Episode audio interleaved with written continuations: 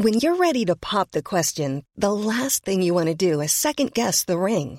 At Bluenile.com, you can design a one of a kind ring with the ease and convenience of shopping online. Choose your diamond and setting. When you find the one, you'll get it delivered right to your door. Go to Bluenile.com and use promo code LISTEN to get $50 off your purchase of $500 or more. That's code LISTEN at Bluenile.com for $50 off your purchase. Bluenile.com code LISTEN.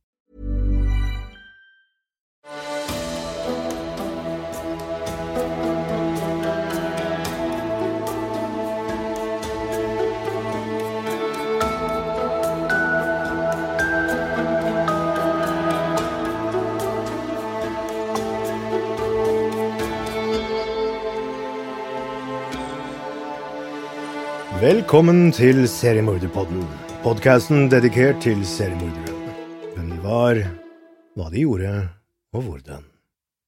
Jeg heter Thomas Rosseland Wiborg Tune, og i kveld fortsetter vi sagaen om en av Amerikas aller mest sadistiske seriemordere, den grå mannen, vampyren fra Wisteria, ingen ringere enn Albert Fish.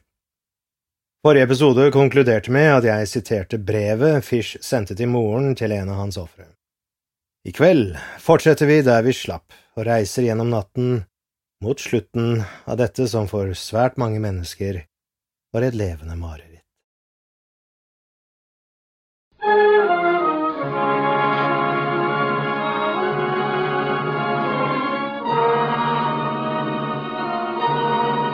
Den siste setningen i brevet er umulig å verifisere, men med tanke på Albert Fish, sin ekstreme fordervelse, pedofili og sadomasochisme, det er sannsynlig at han løy.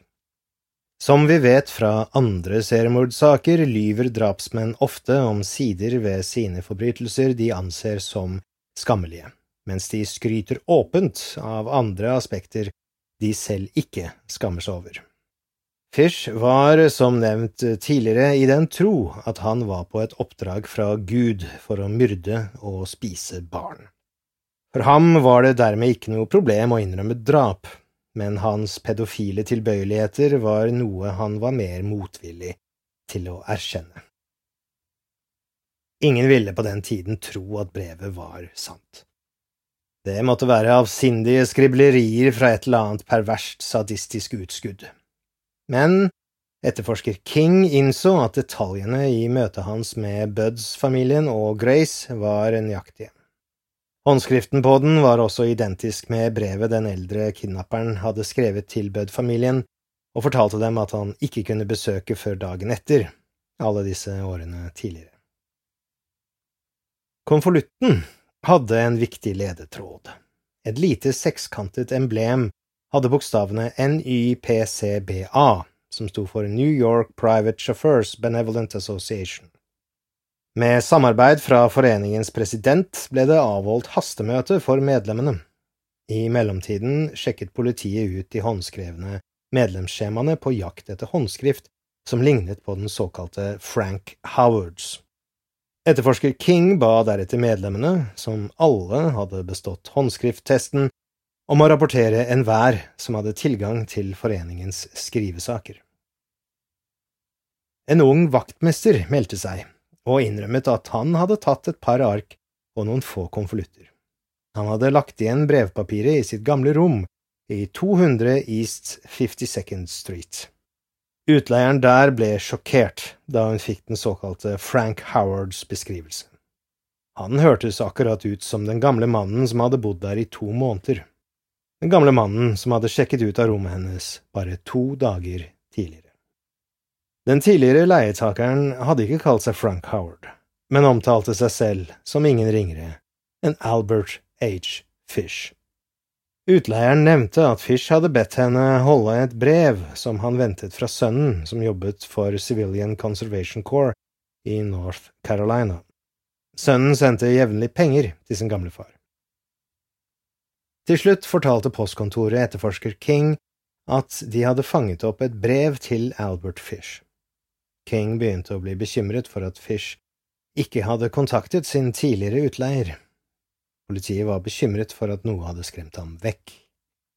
Men 13. desember 1934 ringte utleieren til King. Albert Fish var på hybelhuset og lette etter brevet sitt. King kastet ikke bort tid, og fant ut at den gamle mannen satt med en tekopp da King åpnet døren. Fish reiste seg og nikket da King spurte ham om han var Albert Fish. Plutselig strakte Fish hånden ned i lommen og tok frem et barblerblad som han holdt foran seg. Rasende tok den langt sterkere King tak i den gamle mannens hånd og vred den skarpt. Med triumf i stemmen sa King, og jeg siterer, Jeg har der nå. Sitat slutt. Tilståelsen til Albert Fish ble hørt av mange politimyndigheter og psykiatere. En strengt redigert versjon av den dukket opp i avisene. Tilståelsene var en odyssé av perversjon og ubeskrivelig fordervelse som virket utrolig, frem til detalj etter detalj ble bekreftet. Det var desto mer fantastisk med tanke på hvor nedbrutt og ufarlig Fish fremsto. Han var en nedbøyd, skrøpelig gammel mann på rundt 60 kilo og 165 centimeter høy. Etterforsker King tok imot den første tilståelsen. Fish fortalte ham at sommeren 1928 hadde han blitt overveldet av det han kalte sin blodtørst. Han hadde et brennende behov for å drepe. Da han svarte på Edward Budds annonse for ansettelse, var det den unge mannen, ikke søsteren hans Gracie, som han hadde til hensikt å lokke til et avsidesliggende sted, binde ham fast og kutte av penisen hans og la ham blø i hjel. Etter at han forlot Bud-huset første gang, hadde Fish kjøpt verktøyene han trengte for å myrde og lemleste guttene en stor kjøttkniv, slaktekniv og sag. Han pakket disse mordredskapene inn i en bunt, som han la igjen ved en kiosk før han dro til Bud-hjemmet for andre og siste gang. Da Fish så den kjekke og veltrente unge Edward, på størrelse med en fullvoksen mann og vennen hans Willy, overbeviste han seg selv om at han kunne overmanne begge to. Det var først etter å ha sett Gracie at han ombestemte seg. Hun tente et dyrisk behov i ham, og alle hans tanker gikk straks over til å planlegge hennes kidnapping og mord. Med den intetanende Gracie på slep stoppet han ved kiosken for å hente drapssettet sitt pakket inn i en bunt, før han tok et tog til Bronx og deretter til landsbyen Worthington i Westchester. For Grace kjøpte han bare en enveisbillett. Grace ble betatt av den 40 minutter lange turen ut på landsbygda. Bare to ganger i livet hadde hun vært ute av byen. Dette var en skikkelig godbit for henne. På stasjonen i Worthington var Fish så oppslukt av sin monstrøse plan at han la verktøybunten sin på toget. Ironisk nok la Grace merke til det og minnet ham på å ta med pakken sin. De gikk langs en avsidesliggende vei til de nådde en forlatt toetasjes bygning kalt Wisteria Cottage, midt i et skogsområde. Hva som skjedde videre, var allerede kjent, siden Fish hadde skrevet om det i detalj i brevet til lille Gracies mor. Etter tilståelsen hans spurte etterforsker King morderen om hvorfor han hadde gjort en så grusom og brutal handling. Fish lente seg tilbake og med en nonsjalant mine sa at han aldri hadde klart å gjøre rede for hvorfor han var som han var. Samme dagen dro politiet til Wisteria Cottage og fant restene av Gracie. Albert Fish sto i nærheten og så på, tilsynelatende helt uten å vise følelser av noe slag. Det ble ikke spurt om noe på den tiden, og han sa heller ingenting frivillig om kannibalismen nevnt i Fish sitt brev til Buds. Politiet kan ha ansett det som for vanvittig til å være sant, eller kanskje de allerede tenkte at det å inkludere så forferdelige detaljer om kannibalisme ville styrke den uunngåelige forsvarssaken for sinnssykdom. Den kvelden hadde arrestasjonen av Albert Fish lekket til avisene, og journalister dro ned til Budd-leiligheten med nyhetene. Kort tid etter kjørte etterforsker King, herr Budd og sønnen Edward til politistasjonen for å identifisere Fish. Edward gjorde mer enn å identifisere den gamle mannen. Han kastet seg over den gamle mannen og skrek, og her siterer jeg, Din gamle jævel, din jævla horesønn! Sitat slutt. Herr Budd ble overrasket over Fish sin mangel på følelser, og spurte om den gamle mannen ikke kjente ham igjen. Fish svarte høflig, og igjen er det best hvis jeg siterer. Jo da, du er herr Budd. Sitat slutt. Herr Budd brøt da ut i tårer og sa, og jeg siterer, Og du er mannen som kom hjem til meg som gjest og tok fra meg den lille jenta mi. Sitat slutt. Albert Fish sto overfor tiltale i Manhattan og Westchester County. Westchester County tiltalte ham på en siktelse for overlagt drap, mens Manhattan forberedte en tiltale for kidnapping. I mellomtiden fikk politiet et stort gjennombrudd.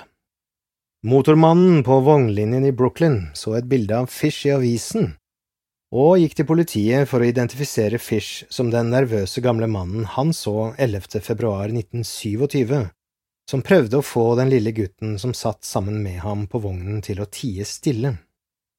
Joseph Meehan, den pensjonerte motormannen, så nøye på de to.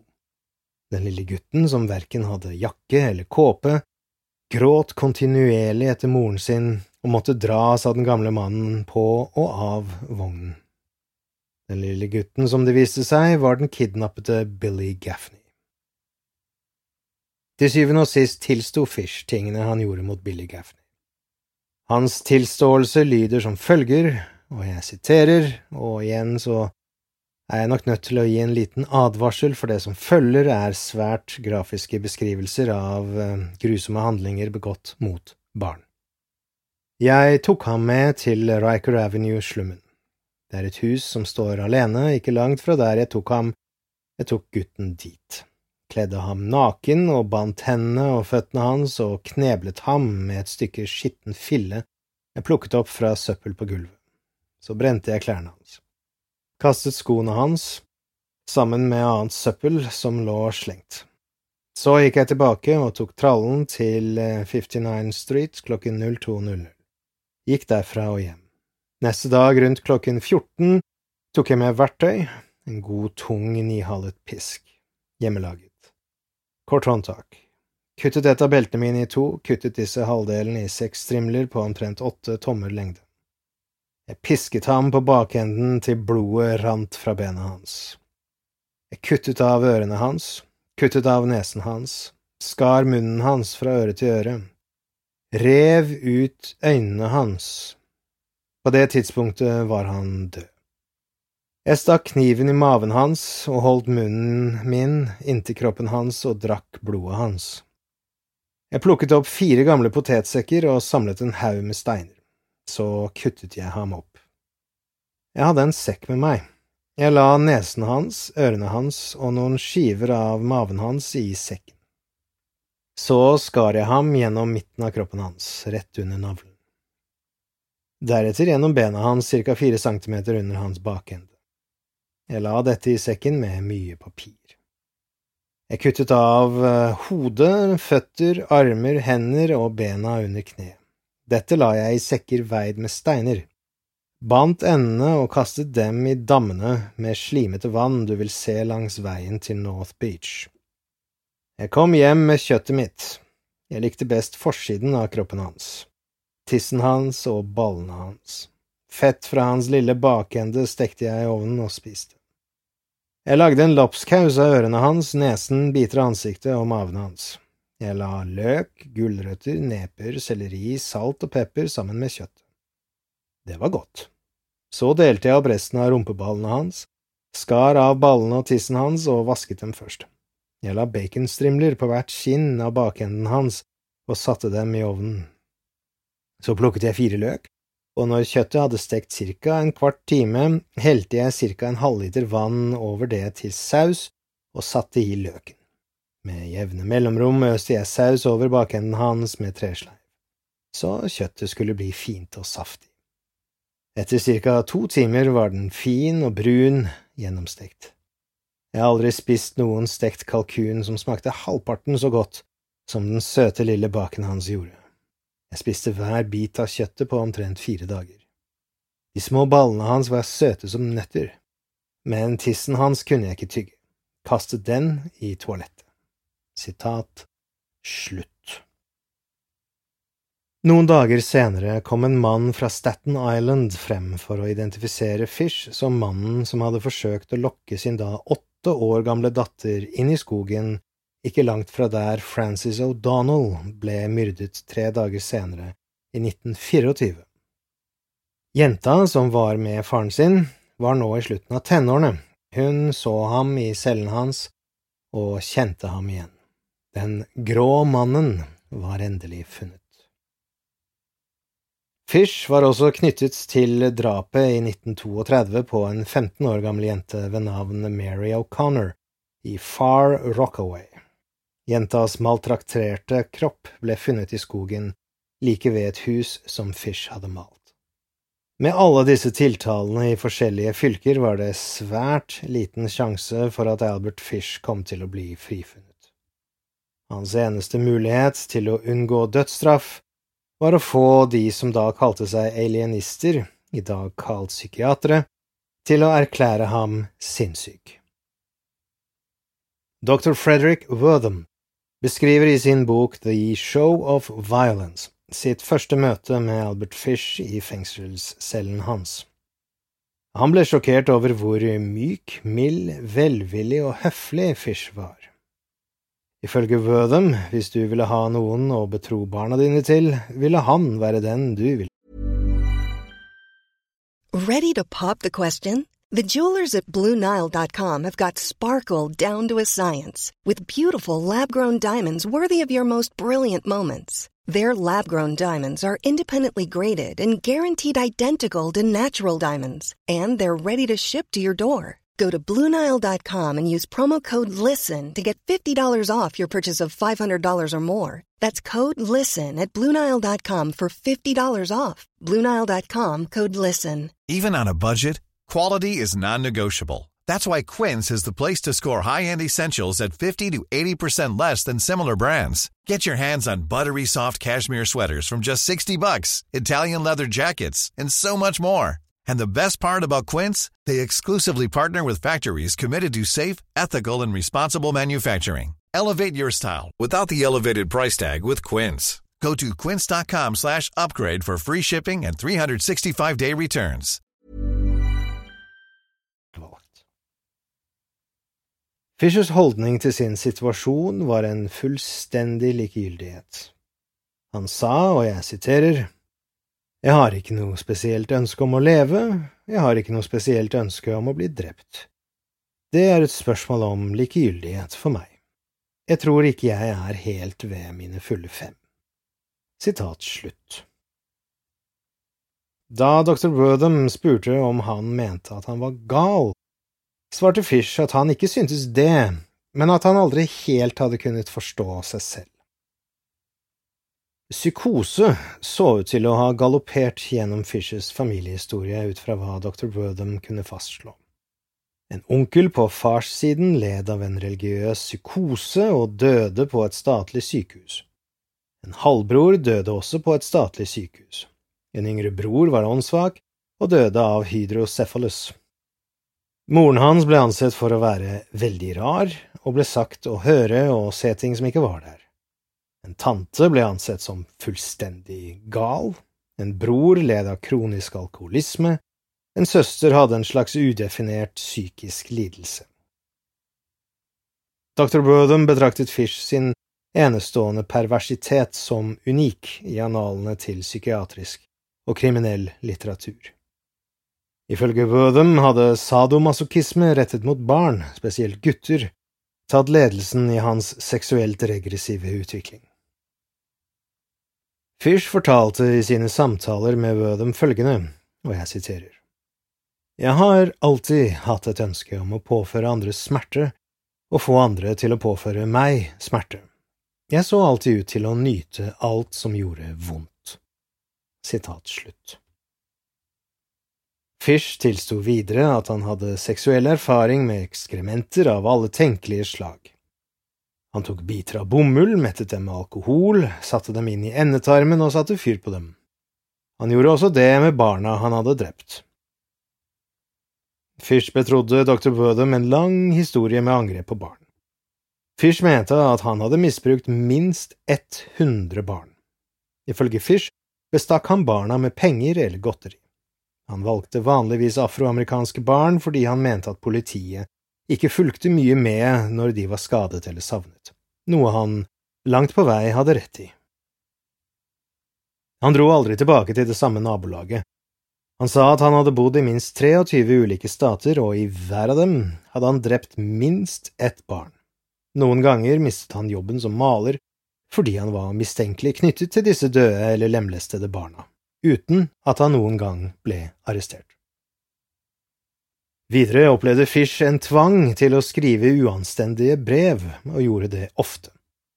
Ifølge dr. Wortham var de ikke de typiske obskøne brevene basert på fantasier og dagdrømmer for å gi en stedfortredende spenning.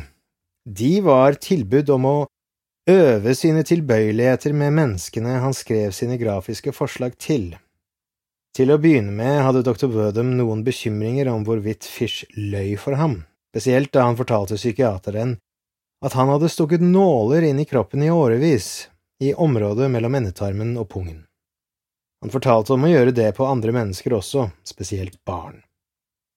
Først, sa han, hadde han bare stukket disse nålene inn og dratt dem ut igjen. Så hadde han stukket andre så langt inn at han ikke klarte å få dem ut, og de ble der. Legen fikk ham røntgenfotografert og riktignok var det minst 29 nåler i bekkenområdet hans.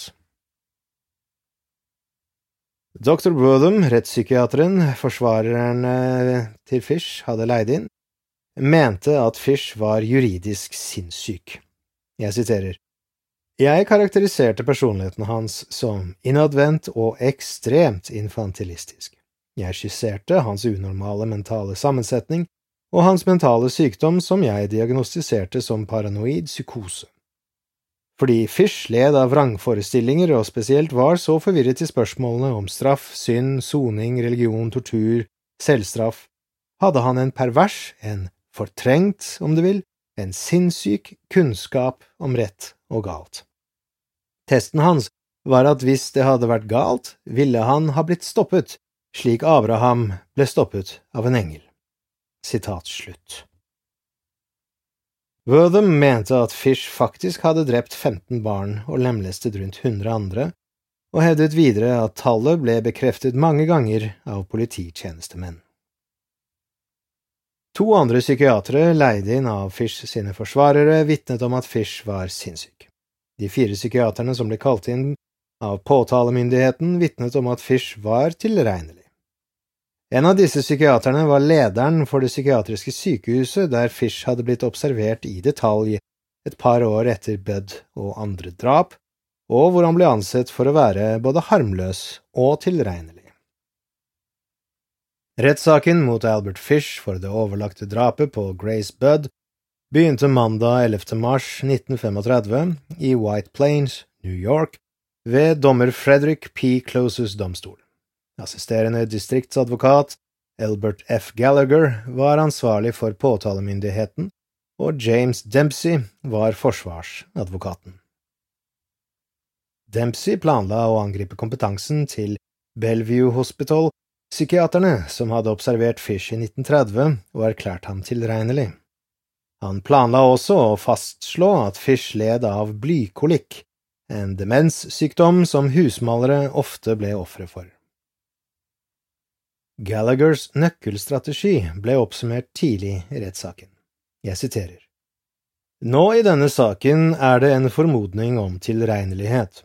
Beviset, kort fortalt, vil være at denne tiltalte er juridisk tilregnelig, og at han vet forskjellen mellom rett og galt, og naturen og innholdet i handlingene hans.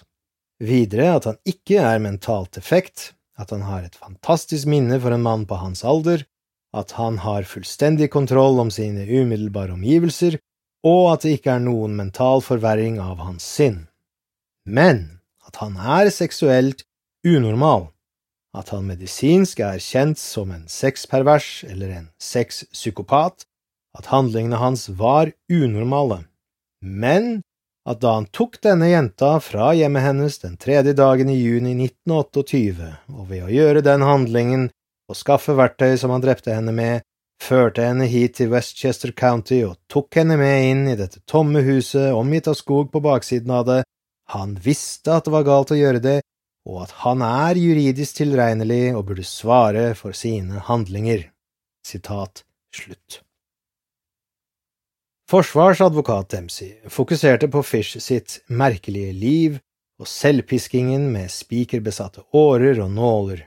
Så tok han opp Fischers kompetanse som far og hans kjærlighet til barna sine. Jeg siterer. Til tross for alle disse brutale, kriminelle og ondskapsfulle tilbøyelighetene er det en annen side ved denne tiltalte. Han har vært en veldig god far. Han har aldri en gang i sitt liv lagt en hånd på et av barna sine. Han sier bordbønn ved hvert måltid i huset sitt. I 1917, da den yngste av hans seks barn var tre, forlot kona ham, og fra den tid og ned til kort tid før Grace Budd-mordet i 1928 var han mor og far for disse barna. Sitat slutt. Han avsluttet sine bemerkninger med å minne juryen på at det var opp til påtalemyndigheten å bevise at en mann som drepte og spiste barn, var tilregnelig. Rettssaken varte i ti dager, og juryen brukte mindre enn en time på å nå sin dom. Juryen fant Albert Fish skyldig i henhold til tiltalen. Fish var ikke fornøyd med dommen, men utsiktene til å bli henrettet i den elektriske stolen hadde sin appell for ham. En Daily News-reporter skrev, og jeg siterer, hans rennende øyne glitret ved tanken på å bli brent av en hete som var mer intens enn flammene som han ofte brente kjøttet med for å tilfredsstille sitt begjær. Sitat slutt. Fish takket dommeren for dødsdommen ved elektrisk støt, og mindre enn ett år etter rettssaken hans spiste Albert Fish sitt siste måltid. Like etter klokken 23 den 16. januar 1936 ble Fish festet i stolen. Harold Schechter, i boken Deranged, beskriver slutten, og jeg siterer. Ved synet av den elektriske stolen nølte ikke Fish, som selv de hardeste mennene ofte gjorde, selv om han heller ikke virket som om han gledet seg til det han selv hadde beskrevet som den ytterste spenning i livet. Med hendene holdt sammen i bønn senket han seg ned i stolen og lot stroppene justeres rundt armene, bena og overkroppen. Ansiktet hans så veldig blekt ut i det øyeblikket før Robert Elliot, den magre, gråhårede bøddelen, la den svarte dødsmasken over det. Skinnhetten med elektroden ble montert på den gamle mannens barberte hode. Etter å ha festet hakestroppen bøyde Elliot seg for å feste den andre elektroden til Fish sitt høyre ben under bukseåpningen. Så gikk han til kontrollpanelet. En del av legenden rundt bortgangen til en av inspirasjonskildene til Hannibal Lecter skjedde i det øyeblikket han døde. Nålene som var en del av kroppen hans, ble hevdet å ha kortsluttet det første støtet for å avslutte livet hans. Men dette bestrides av myndighetene. Fish døde som de fleste andre menn henrettet i den elektriske stolen. Og her, kjære lytter, ønsker jeg å gi dere en detaljert beskrivelse av hva henrettelse i den elektriske stolen faktisk innebærer. Henrettelse ved bruk av den elektriske stolen var opprinnelig ment som et genuint, humant alternativ til den typen henrettelser som frem til da hadde vært vanlig, nemlig henging og halshogging. Henging innebar ofte at den dømte led store smerter, da det ofte innebar å bli kvalt, noe som kunne ta opptil 20 minutter før døden inntraff. Å bli halshugget skulle i teorien også være en form for umiddelbar død, men ofte bommet bøddelen med øksen, og det innebar ekstrem lidelse for den dømte. Det er i USA at bruken av den elektriske stolen oppsto i 1890, nærmere bestemt i New York. Siden da har 4374 mennesker blitt henrettet ved bruk av den elektriske stolen, og metoden er i dag så å si identisk med det den var i 1890. Etter at den innsatte er fastspent i den elektriske stolen, gir fengselsdirektøren beskjed til bøddelen om å skru på strømmen. Mellom 500 og 2000 volt strømmer så gjennom den dømtes kropp. Hvert støt varer mellom 20 og 30 sekunder. Mellom hvert støt sjekker en sykepleier eller lege etter puls, men de må først la kroppen kjøle seg ned nok til å kunne bli tatt på. Det er her grusomheten i metoden blir tydelig. Ganske ofte viser det seg at mengden volt og perioden med støt ikke er sterk og langvarig nok. Den dømte lever, og flere ganger har det vist seg at han eller hun også er bevisst. Den dømte stønner gjerne i smerte og vrir på seg. Følelsen av å få langvarig støt er veldig lik følelsen av å bli brent levende. Forskjellen er at man i tillegg til å bli brent, får ekstreme muskelsammentrekninger som kan være så intense at ben brekker og tenner knuses. Fangens øyeepler spretter noen ganger ut og hviler på kinnene. Ofte fører henrettelsen til at fangen bæsjer på seg, tisser på seg og kaster opp blod. Kroppen blir knallrød når temperaturen stiger og fangens kjøtt svulmer og huden strekker seg til den sprekker. Noen ganger tar fangen fyr.